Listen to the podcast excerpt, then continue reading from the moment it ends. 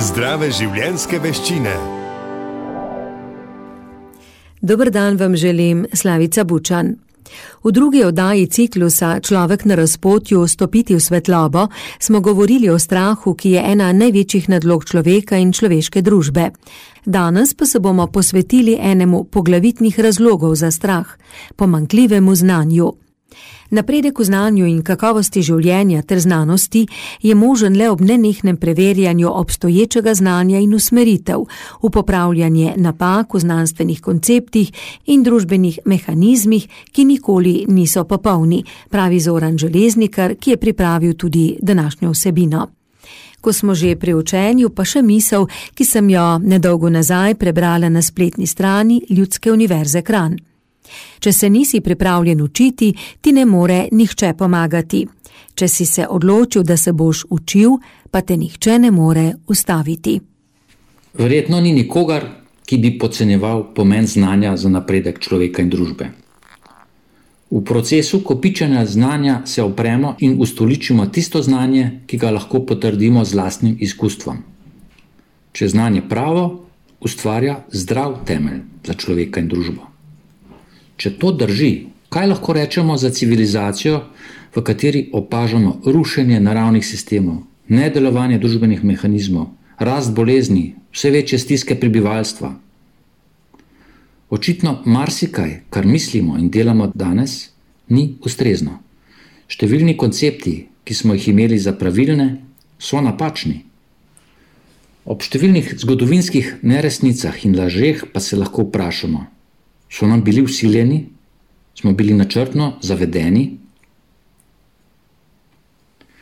Če se iskreno, brez olepševanja, z vso skrbnostjo in resnicoljubnostjo lotimo preiskovanja različnih področji življenja in znanosti, smo lahko presenečeni, koliko neustreznih stališč gradi temelje naše civilizacije in koliko napačnih usmeritev zasledujemo. Napačnih je cela vrsta pomembnih izhodišč, na katerih temeljimo tako osebno kot kolektivno življenje. Po več kot 20-letnem ukvarjanju s temi temami sem prepričan, da civilizacija, takšna kot je, brez temeljite prevetritve znanja in vrednot ne more napredovati. Napačen je celo odnos do pojma kriza. Kriza ni nekaj negativnega, slabega, rušilnega, kot si običajno mislimo. To je le ob površnem pogledu. Podrobnejši pogled pa pokaže, da so prav krize generator napredka, ker rušijo nedelujoče in omogočijo očiščanje, katarzo. Predstavljamo si, da naša družba temelji na znanosti in demokraciji, a to je žal le videz, s katerim so zadovoljni tisti, ki so površni pri doživljanju in obravnavanju stvarnosti. Za lepo kuliso se skriva marsikaj, kar si še kako zasluži pozornost in skrb. V tej oddaji se bomo nekoliko posvetili stvarem, ki so povezane z znanostjo in našim načinom življenja. Pogledali bomo tudi v ozadje družbenega dogajanja in se dotaknili nekaterih tako imenovanih resnic, ki se po natančnejšem upogledu izkažejo za vse kaj drugega. Na Zahodu smo danes predvsem verniki znanosti, ki naj bi bila nezmotljiva in neodvisna. Ampak na sedanji ravni razvoja je dobiček in neresnicoljubnost nesporno gonilo skoraj vsega delovanja. Brez dobička ni motiva in vse prej ali slej ugasne. Tudi znanost je žal postala služabnica kapitala. Že desetletja se napredno znanje zadržuje v rokah plačnikov raziskav, to pa so predvsem velike korporacije, ki obračajo celo več kapitala kot manjše države. S tem pa se pri njih kopiči tudi moč. Industrijski lobiji imajo tako velik vpliv na politiko, da se ne zgodi nič, prav nič, kar ni v njihovem interesu. In to se dogaja v skladu z njihovimi načrti, ki so narejeni vnaprej za desetletja. Spomnimo se, že John F. Kennedy je pred 60 leti svaril pred naraščajočim vplivom vojno-industrijskega kompleksa, ki se je že takrat polaščal v zvodo oblasti. Po njegovem atentatu o nevarnosti tega vojno-industrijskega kompleksa, ki ga dan danes imenujemo globoka država, globalna oligarhija, globalisti ali še kako drugače, ni bilo več govora. Zakaj ne? Ker se je hitro polastil vseh medijev. V nekaj desetletjih je prerasel vse okvire, v njihovih rokah pa je vse svetovno bogatstvo in gospodarstvo, ter vse finance, preko katerih imajo v rokah tudi vse vzvode oblasti. Vprašamo se lahko, ali je v interesu globalistov, da bi široka človeška populacija razpolagala z naprednim znanjem? Odgovor je ne.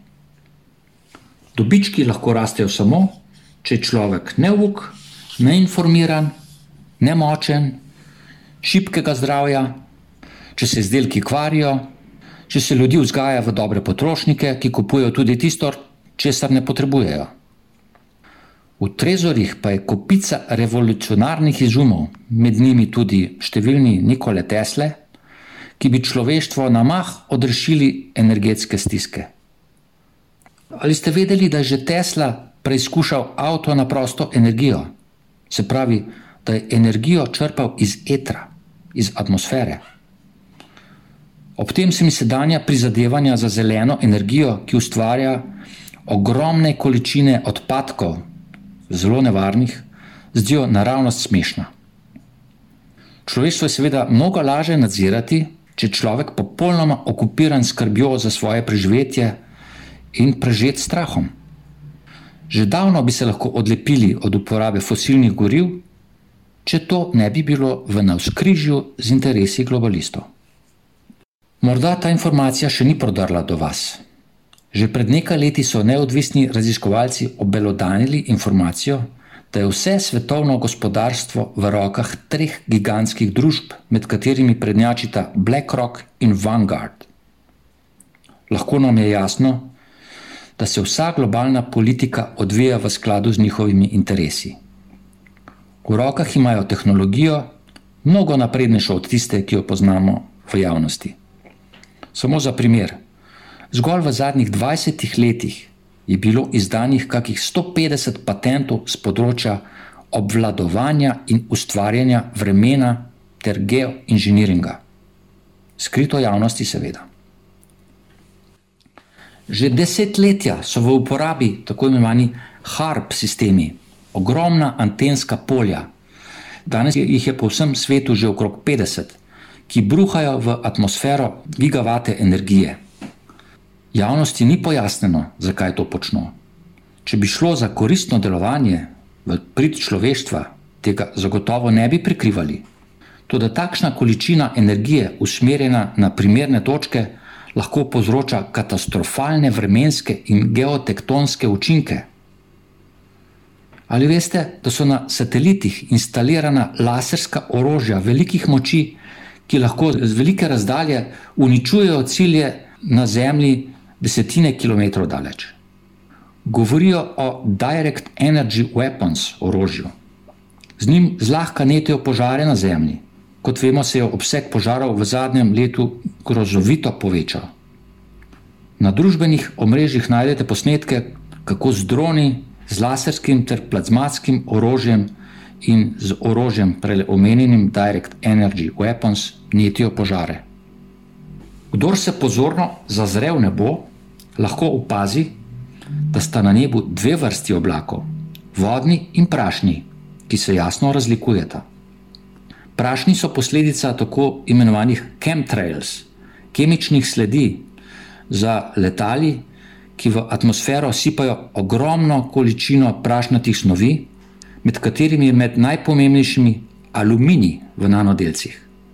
Po nedavnih meritvah nemških znanstvenikov je količina aluminija v zraku deset tisočkrat presegla dovoljeno mejo. Si predstavljamo ta podatek? Ob tem pa je znano, da je aluminij krivec za luknjo v spominu, za demenco, za Alzheimerjevo bolezen.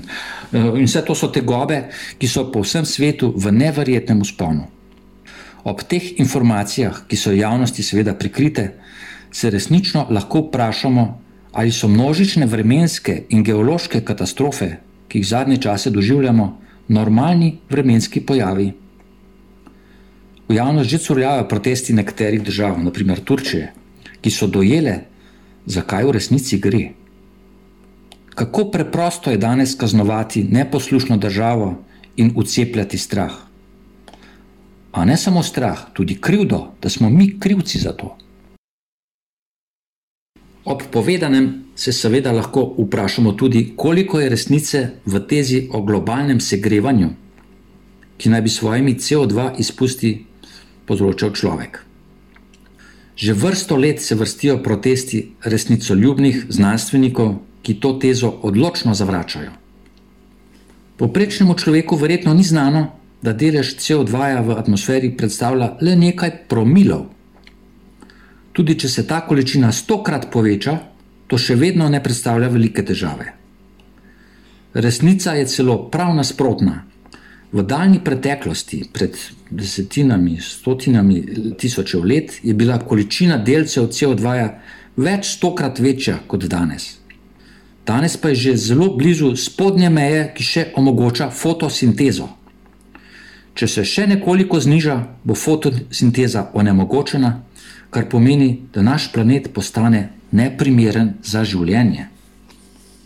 V zvezi z globalnim segrevanjem so uvedene tako imenovane okoljske kvote. Instrument, s katerim je mogoče v hudo finančno stisko spraviti tudi največje države. A to še ni vse. Pod pretvezo pretiranih CO2 izpustov napovedujejo upeljavo absurdnih restrikcij za prebivalstvo.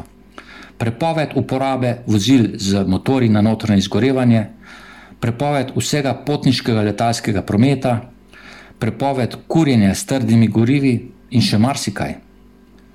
Vse to sestavlja agendo 2030, seveda, na skrivaj. Tu je še predlog upeljave digitalne identitete in ukinitev gotovine v plačilnem prometu. Večina se ne zaveda, kaj bi to pomenilo. Da bo oblast vedela za čisto vsak vaš nakup, ki ga bo lahko tudi sankcionirala, to pomeni preprečila, če ji ne boste lojalni. To predstavlja nezaslišan udarec svobodi življenja, kakršnega poznamo sedaj, in tudi uničenje človeškega dostojanstva, seveda. Klaus Schwab, predsednik Svetovnega gospodarskega foruma, že nekaj časa odkrito govori o globalnem resetu, o globalni ponastavitvi in peljavi novega svetovnega reda, ki bo brško ne čisto nekaj drugega, kot si predstavljamo, oziroma kar nam je predstavljeno. Človeštvu naprtiti krivdo za drastično spremembo klime zaradi izpuščanja CO2 je čudovit način za strašenje in mehčanje. To je potrebno za uvedbo družbenih sprememb, na katere sicer nikoli ne bi pristali. Žal, številni nasedajo leporečenju politikov, ampak njihov interes je vse kaj drugega kot dobrobit ljudstva. Da je prebivalstvo vse bolj izpostavljeno nadzoru, pričajo številne kamere, ki se po mestih bliskovito množijo. Če dalje več je 5G stolpov in anten, ki nas zasipavajo z mikrovalovnim sevanjem. Zdaj se mu že praktično ni mogoče izogniti, saj so montirani že v obcestne svetilke. Na tem mestu raje ne bom govoril, kako velike so možnosti, da z elektromagnetnim sevanjem vplivajo na naše mišljenje, na naše počutje in zdravje ljudi.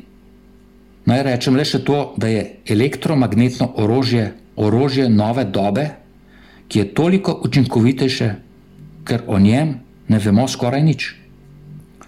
Marsikdo živi v bližini antenskega stolpa, se sprašuje, odkot vrtoglavica, piskanje v šesih, nenehna utrujenost, bolečine po vsem telesu in podobno. Morda velja o tem razmisliti, če obstaja povezava z tem elektromagnetnim sevanjem. Če menimo, da družbo vodijo in upravljajo v skladu z načeli znanosti in demokracije, smo v veliki zmoti. V času koronske krize smo lahko opazili, kako je prišlo do takšnega omejevanja osebne svobode in teptanja človekovih pravic, kakršnih si še leto prej nismo mogli niti predstavljati. Človek se vpraša, kako jim je to uspelo. Odgovor smo izvedeli že v prejšnji vdaji. z načrtnim, sistematičnim in zelo intenzivnim ucepljanjem strahu.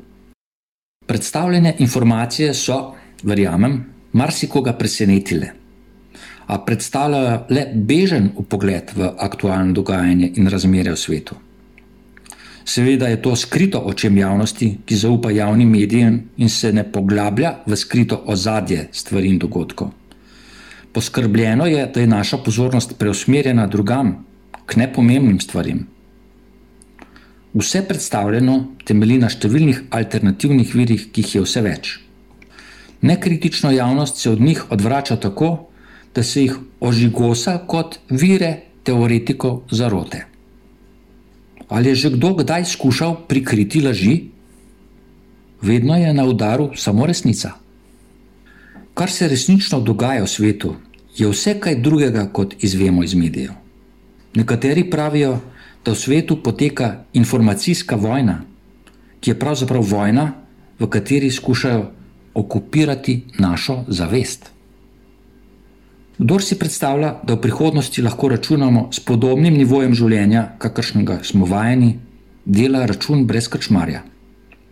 Stari svet se ruši, za kakršen koli napredek pa si bomo najprej morali naliti čistega vina in razjasniti, kakšne so dejanske razmere, kdo vodi vso globalno politiko in kakšni so njegovi nameni. Zelo pomembno je, da se v javnosti za obravnavane teme zbudi zanimanje. Gre za teme, ki zadevajo prihodnost vsakogar od nas. Zdrave življenjske veščine lahko prakticiramo le ob pogoju ohranitve človeškega dostojanstva in svobode posameznika. Verjamem v dobro in prepričan sem, da bomo znali svet usmeriti v prihodnost prijazno za vse. A to lahko naredimo le skupaj. Poslušali ste oddajo Zdrave življenjske veščine.